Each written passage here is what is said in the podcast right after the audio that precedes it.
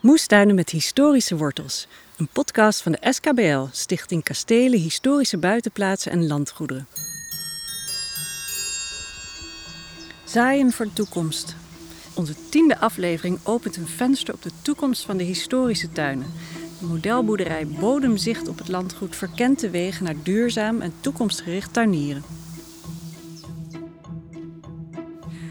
Nou, en dan komen we aan bij de zelf oogstuin Het Heerlijke Land. En we zien al meteen hier iemand staan. Je bent aan het werk vandaag. Ja.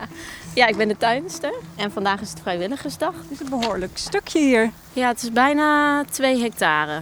We pachten het van uh, het landgoed. Het landgoed. Het, het, gaat goed. We hebben 120 oogstdeelnemers op het moment. Dus 120? Ja, en met 2 hectare tuin kun je ongeveer 250 oogstdeelnemers groentes verkweken. En wat hebben jullie zo Oeh. we nu oogsten oh, we hebben, seizoen? oh wat, we- wat we nu gaan oogsten is, is eh, Chinese kool, bintsla, bietjes. Ehm, we hebben van allerlei lekkere kruiden. Zoals wasabi, rucola, calendula bloemen. Die kunnen ook geoogst worden. Er zijn nog pultjes, erwtjes, kapucijnes. Ehm, en heel veel sla. We hebben echt heel veel sla. En eh, waar kwam het idee vandaan om zo'n tuin te oogsten? Heb je een agrarische opleiding? Nee, nee, ik heb de kunstacademie gedaan. Oh. Ehm, autonoom beeldend vormgeving. Op de kunstacademie ontdekte ik eigenlijk mijn groene vingers. Ja, dat heb ik niet meer losgelaten.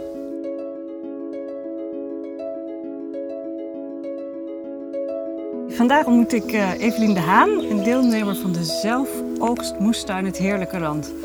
Een zelfoogstmoestuin, hoezo zelfoogst? Je moet toch altijd zelf oogsten? Nou, dat is niet waar. Niet overal alle moestuinen hoeven niet zelfs te oogsten. Soms krijg je ook pakketjes mee. Die zijn dan al voor jou geoogst. Maar hier moet je zelf met de handen de grond in, de wortels eruit trekken. Kijken welk radijsje je kiest. Op zoek naar de bloemkool waarvan jij denkt, nou die kan nog even blijven staan. Maar die neem ik alvast mee. En eh, wat is het verschil met een gewone moestuin of een volkstuintje? Ja, dan heb je zelf een stuk grond in je eentje. Hè? En hier is het een hele club mensen bij elkaar die echt een enorm stuk grond met elkaar eigenlijk eh, bewerken. Eh, onder leiding wel gelukkig van eh, in dit geval twee tuinders die een heel plan maken. Wat waar moet en wat er wanneer in moet en hoe dat allemaal moet. En je kunt meehelpen als je daar zin in hebt. Maar heb je daar geen zin in, doe je het niet. Dan kom je alleen de worteltjes uit de grond halen. Wauw, dat klinkt wel een luxe tuinieren. Een Ja. soort glamping, maar dan, eh, dan voor de volkstuin. En ehm, ja, hoe, hoe ben jij bij deze tuin gekomen? Ja, ik, eh, ik woon hier vlak in de buurt en in coronatijd wandel je nog wel eens een stukje. Dus ik was hier al twintig keer langs gewandeld. En op een gegeven moment dacht ik, nou, ik ga toch eens even dat pad in om te kijken... eh, wie zijn er nou allemaal in die tuin aan het werk? Welk, voor welke doelgroep is het? En toen kwam ik bij die tuinder en die zei tegen mij... nee, dit is niet een doelgroep, dit is voor iedereen die hier in de buurt woont. En toen dacht ik, dat is leuk, want eh, ja, ik ga wel eens naar de biologische winkel om groenten te halen, maar de helft van de tijd loop ik toch in de supermarkt. En ik vind het veel leuker om te zien hoe het allemaal hier groeit en hoe dat gaat. Dus ik, ik zeg, nee, dat doe ik. Ik word eh, meteen lid, dus dan ben je voor een jaar, zeg maar, lid. Dus je mag één keer per week en dan mag je zoveel als je wilt, of een bepaald mandje. Ja, de eerste keer hadden we zo van, eh, doe, doe maar tien aardbeien of zo. Dat was het eerste jaar. En dit jaar is het gewoon, nou, neem wat aardbeien en neem wat van dit. En eh, soms een, bij een broccoli, weet je, dan neem je er altijd één. Dan neem je niet het hele veld mee, dat is niet handig. Ja. Maar bij sommige producten moet je dat zelf een beetje inschatten. En dat gaat eigenlijk altijd goed. ja, want wat ik altijd heb in mijn eh, tuin, ik zoveel heb ik niet, maar als ik sla heb, heb ik tien koppen sla die allemaal tegelijk geoogst moeten worden. Dan Ja. ga ik ze uitdelen aan de buren, maar dan denk ik toch jammer. Jammer. En dat probleem heb je dus niet, want je hebt tuinders die dat voor jou eh, in een goed plannetje zetten. Dat niet alles tegelijk veel te veel. Ja, je hebt dus wel zes soorten sla, misschien wel tien. We hebben hier de gele sla, we hebben de bintsla, we hebben de snijbiet, we hebben de gewone sla, we hebben de kropsla, we hebben de eh, rode sla. En dat zit allemaal een beetje zo. Deze week is die sla klaar, dan is die sla klaar. Nou, dat is ideaal. En wat is het lekkerste wat jij uit deze tuin haalt? Ja, het lekkerste, ik, ik, ik vind echt alles, alles heerlijk. Maar het leukste vond ik eigenlijk de broccoli. Want toen ik de eerste keer kwam, toen wist ik helemaal niet hoe broccoli groeide. En Ingrid die was toen tuinier, eh, tuinder en die zei, hier komt de broccoli. En ik zag iets groens, ik zeg, waar komt de broccoli? nou, hier komt hij. Dus ik ben daar toen iedere week langs gelopen. En op een gegeven moment zag je dan inderdaad, de broccoli is eigenlijk een soort bloem. En die moet je er dan, voordat hij echt gaat bloeien, moet je hem eraf halen. Nou, ik vond dat zo geweldig. Die heb ik dezelfde avond opgegeten. Ik heb nog nooit zo'n lekkere broccoli gegeten. Tuinier je mee? Eh, graaf je... Nee, ik doe helemaal niks. Ik Het spit niet. Ik, eh, ik, eh, er zijn heel veel mensen die heel veel dingen doen. Ik kom altijd kijken en ik kom kletsen. Ik kom heel veel kletsen. Ik kom heel veel aanmoedigen en zeggen dat iedereen het heel erg goed doet. en ik kom vooral genieten. En wat ik zie is, er staat een heel gezellig huisje in het midden. Waar ik, vanaf dat ik hier rondloop, zie ik daar mensen koffie drinken en, en een beetje uitwisselen. Dus het is ook wel een ontmoetingsplek, deze tuin. Ja, eigenlijk is dat gewoon voor de vrijwilligers. Die moeten natuurlijk af en toe lekker even zitten en even koffie drinken. En ook al heb je niet gewerkt, is mijn ervaring, krijg je vaak toch een kopje koffie.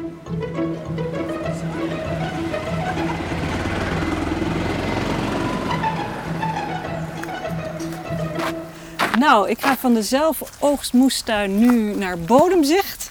En daar heb ik een eh, afspraak met iemand die er een heleboel van weet. Namelijk Kien van Heuvel, baronesse en beheerder van dit landgoed. Dag Kien. Hallo, welkom. Hier, leuk dat jullie er zijn. Ja, en we staan hier voor een prachtige tuin. Ehm, vertel me er alles van. Het is een regeneratieve modelboerderij. Maar eerst wil ik weten wat hier allemaal gebeurt. Ja, bodemzicht is een, is een apart verhaal. Zullen we eventjes in het hek? Ja, we gaan Want even dan naar... eh, gaan we erin staan. Het is veel leuker. Oeh, We gaan nu in de, in de market garden, zoals ze dat doen. Zeggen de no-till market garden. Een tuin waar niet gespit wordt. no dick garden. Niet spitten. Dat klinkt als een goede tuin voor mij. En het is al omzoomd met calendula, goudbloemen. Het ziet er al heel feestelijk uit. Hebben die een functie of zijn die voor de vrolijkheid? Dit is een tuin van, waar relaties plaatsvinden, waar gestudeerd wordt op relaties. De interactie tussen planten, de bodem vooral. Eerste ding is de bodem. Mensen zijn natuurlijk van jagers-verzamelaars landbouwers geworden. Ze hebben eeuwenlang het land verbouwd. Maar nu noemen we de bodem uitgeput. Wanneer is dat begonnen? Dat de bodem is uitgeput. Dat we op moeten gaan passen wat we doen met onze bodem. Ja, dat is natuurlijk een langdurig proces geweest op het moment van de komst van landbouw. En de landbouw heeft zich natuurlijk geperfectioneerd. Zo gaat dat met dingen. En ik denk dat we eigenlijk nu pas de tweede afgelopen decennia de schade hebben ontdekt. En eerst doet de wetenschap, en die publiceert daar natuurlijk rapporten over, maar die, leest, die worden niet altijd gelezen. Sterker nog, ik denk dat het rapport van de Club van Rome ook ergens in een la belandde, omdat het allemaal toch wel een beetje een ingewikkeld verhaal was. En een beetje te alarmerend. Mensen wilden er gewoon niet aan. Maar Ja, nu kunnen we er niet meer In omheen. miskenning. En we kunnen niet meer ontkennen. En we kunnen er iets mee. Het zijn nu ook academici die boer worden. Hè? Want die hebben wel die stukken gelezen. En die zijn daarvan geschrokken. Het gaat over hun toekomst. En de toekomst van hun kinderen. Dus dit is best wel van een groot verhaal naar hands-on. We gaan hier eh, zeg maar iets mee doen. Ja, En- want bij bodemzicht hebben jullie echt gezegd van we kunnen deze negatieve spiraal omkeren. En, en hoe gaan we dat doen? En daar zijn dus wetenschappers bij betrokken. wetenschappers en kunstenaars. Hè, want het is ook vaak het niet weten. Maar we ook wel het heel erg goed, goed beredeneren van wat je doet. Hè. Dat is wat je hier ziet gebeuren. Dus, er is natuurlijk even hands-on teelt van eenjarige groenten die meteen rendement voor de boer. Hè. Hele hoge mate van handwerk. Ja, want ik zie hier allemaal mensen in de tuin staan. Is het vandaag oogstdag? Het is vandaag oogstdag. Ja, Ja. ja. en eh, dat betekent dus dat voor de restaurants en de aandeelhouders van de pakketten. Mensen hebben hier groentepakketten.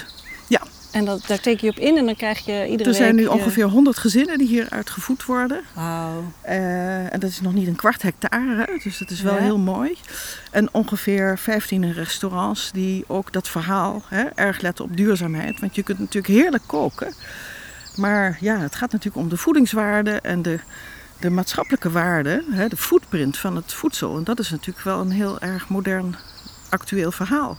Want regeneratieve modelboerderij, dat is dit. Wat is regeneratief? Nou, je zou het eigenlijk herstellende landbouw kunnen noemen. Hè, waarbij je het ecosysteem herstelt, de biodiversiteit, meelift op de, op de vleugels van de natuur, van het natuurlijke ecosysteem, wat je weer op zijn plek zet. Dus het is echt wel cult- cultuur, maar het is eh, eigenlijk vanuit een hele andere gedachte. De positie van de mens is onderdeel van de natuur en niet meer dominant zoals vroeger. Dat was natuurlijk het mensbeeld van eeuwen. En dat is wel een hele fundamentele shift in het denken, uh, waardoor je beslissingen ook anders worden.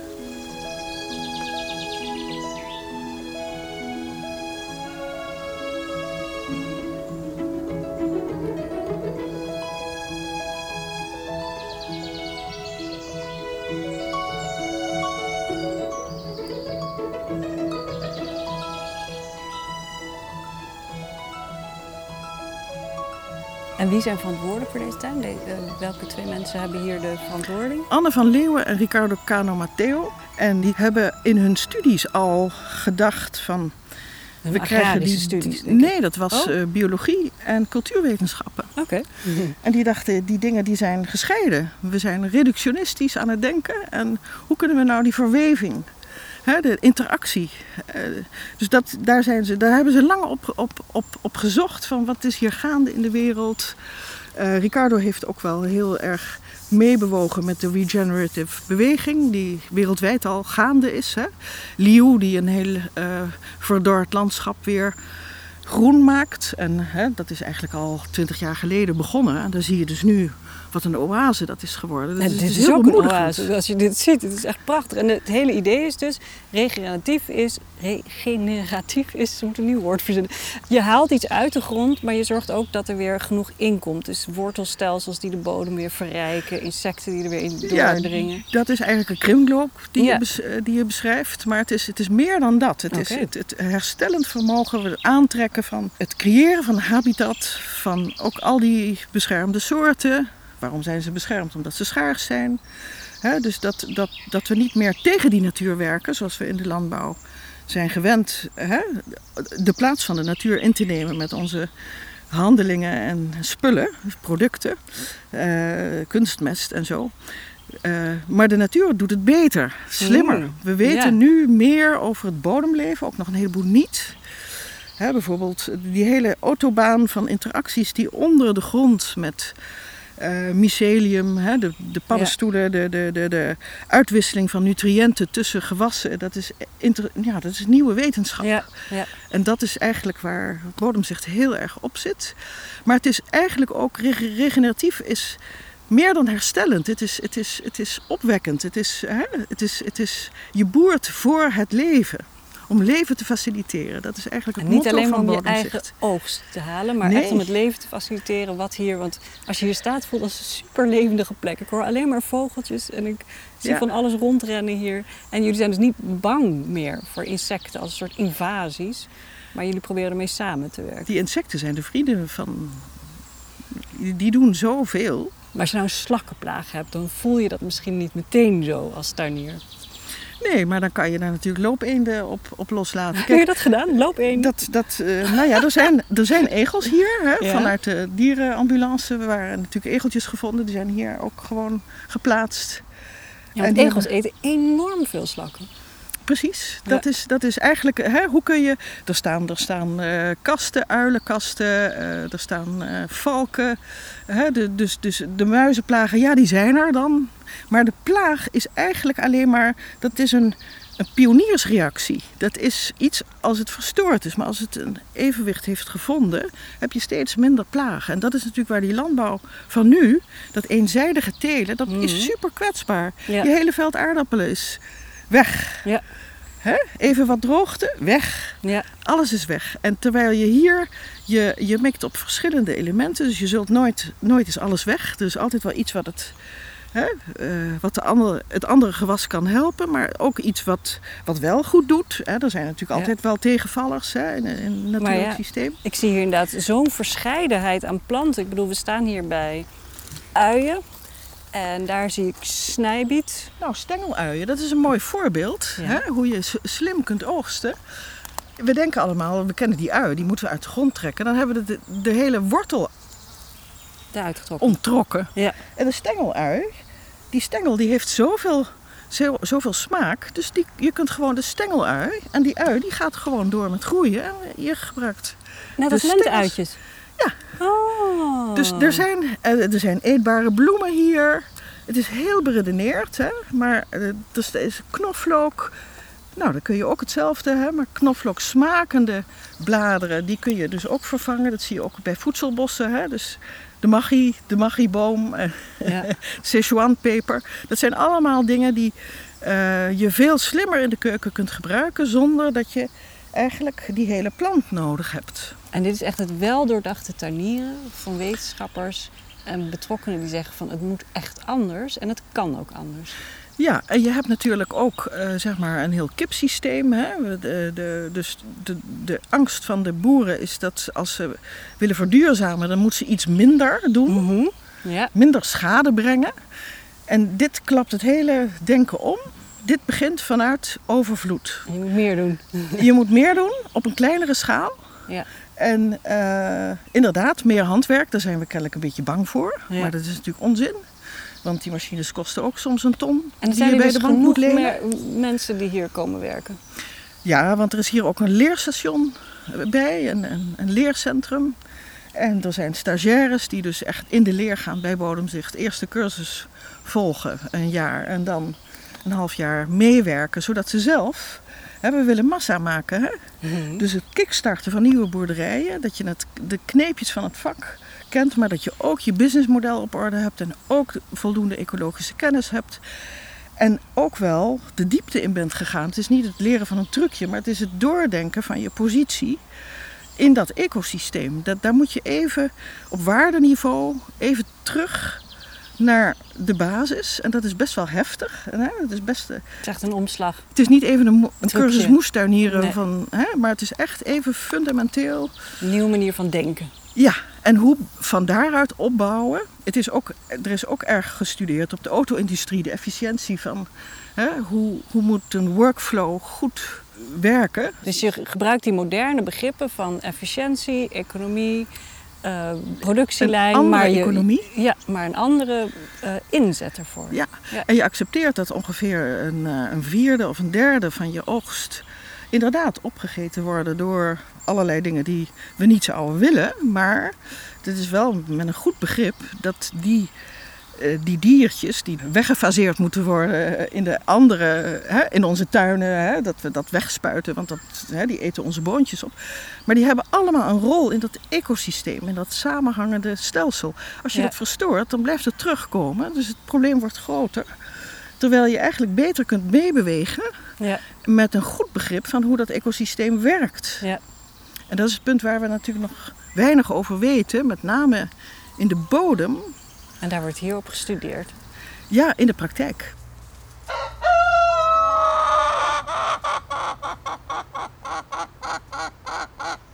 De kippen ook nog. Ik ga straks een doosje eieren meenemen. En eh, we hebben nu de zelfoogstmoestuin Het Heerlijke Land gezien. We hebben hier bodemzicht gezien. En nu wil ik naar het grote huis. Moet ik hier het pad aflopen? Ja, laten we dat doen.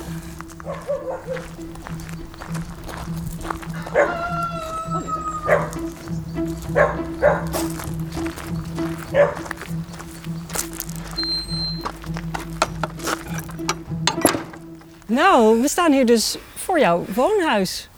Ja. En eh, het huis dat begin deze eeuw werd gebouwd. En uiteindelijk... Vorige eeuw. Begin vorige eeuw. Ja, ik moet nog wennen aan denken. Eh, en het is in de eh, familie van jouw echtgenoot. Ja, wij zijn de derde generatie. En ja, ook, ook wij zien dat we het te leen hebben van de volgende generaties, whoever that may be. En dit is een landgoed. Dit is echt een landgoed en dat is ook de filosofie waaruit opa dit is begonnen. Want hij was gecharmeerd van dit 19e eeuwse laat, eh, nou ja, de zwanenzang van de neeuwstijlen, hè, de trapgevels Ja, enzovoort. En eh, heeft gedacht, ik, ik moet toch die samenhang weer maken. Dus hij heeft in als een postzegelcollectie in 80 transacties zijn leven lang land kunnen verwerven in hele kleine stukjes. En gesmeed tot een landgoed. En jullie wonen hier vlak bij de stad. Dus jullie wonen vlak bij de consument. Hoe is jullie relatie met de stad? Voor ons was eigenlijk eh, in de jaren 60 de verstedelijking die plotseling tegen ons landgoed aankwam knallen, heeft een defensieve reactie bij ons uitgelokt. Van wow, wat gebeurt hier? Dus hè, dan is het een beetje afhoudend en dan moeten we bomen planten tegen het geluid en we moeten eh, bufferen. En eh, het heeft een generatie gekost om uit dat reflex van defensie, hè, verdediging tegen een intrusion, hè, tegen, een, tegen een inbreuk, Ja. eh, om dat om te denken naar een kans. En er waren dus twee opgaven in onze generatie. Dat is hoe verhouden wij tot een nieuwe buur? En wie is dan die stad? De tweede opgave was, we geven iets door, de bodem geven slechter door. Dus daar slaap je op een gegeven moment niet van. En vandaar mijn, mijn persoonlijke, onze persoonlijke betrokkenheid. Eh, je hebt het over complexiteit. Nou, ik wil mijn leven liever simpeler dan complexer. Waarom, waarom moeten we in complexiteit gaan denken? In ingewikkeldheid kan je verstrikt raken. Ja. Net als in een kluwe die je niet meer uit de knoop krijgt. Complexiteit is een zegen. Dus de complexiteit Is- van een landgoed is de overvloed aan, aan, aan Oplossingsruimte. oplossingsruimte. Ja. Ja. en bewegelijkheid en aanpassingsvermogen. Maar ook de interactie tussen die elementen. En dat zoeken jullie hier.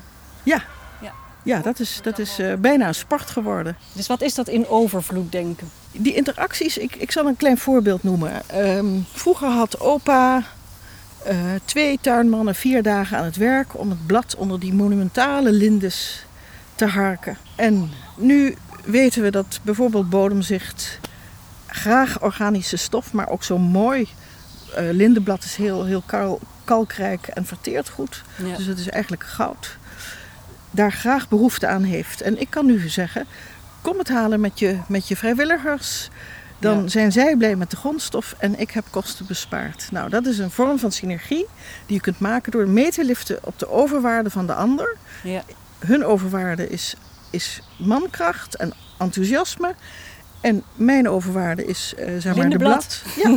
En dat is een win-win. als je dat organiseert, dat dat bij elkaar komt, dan heb je al een begin van een kringloop, maar je hebt eigenlijk synergie. Ja. Met gesloten beurs en heel veel plezier en geluk Ja. erbij. Ik denk dat toch, eh, toch een, een eigenschap op landgoederen is natuurlijk dat de eigenaar bepaalt wat er gebeurt.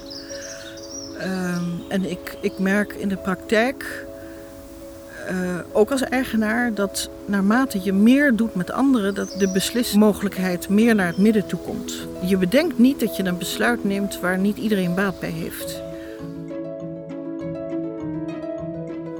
In deze serie hebben we moestuinen met historische wortels bezocht, fruitboomleiders ontmoet, kookboekdeskundigen, toekomstgerichte baronessen en heel veel harde werkers en toegewijde bezoekers die genieten van ons levende erfgoed.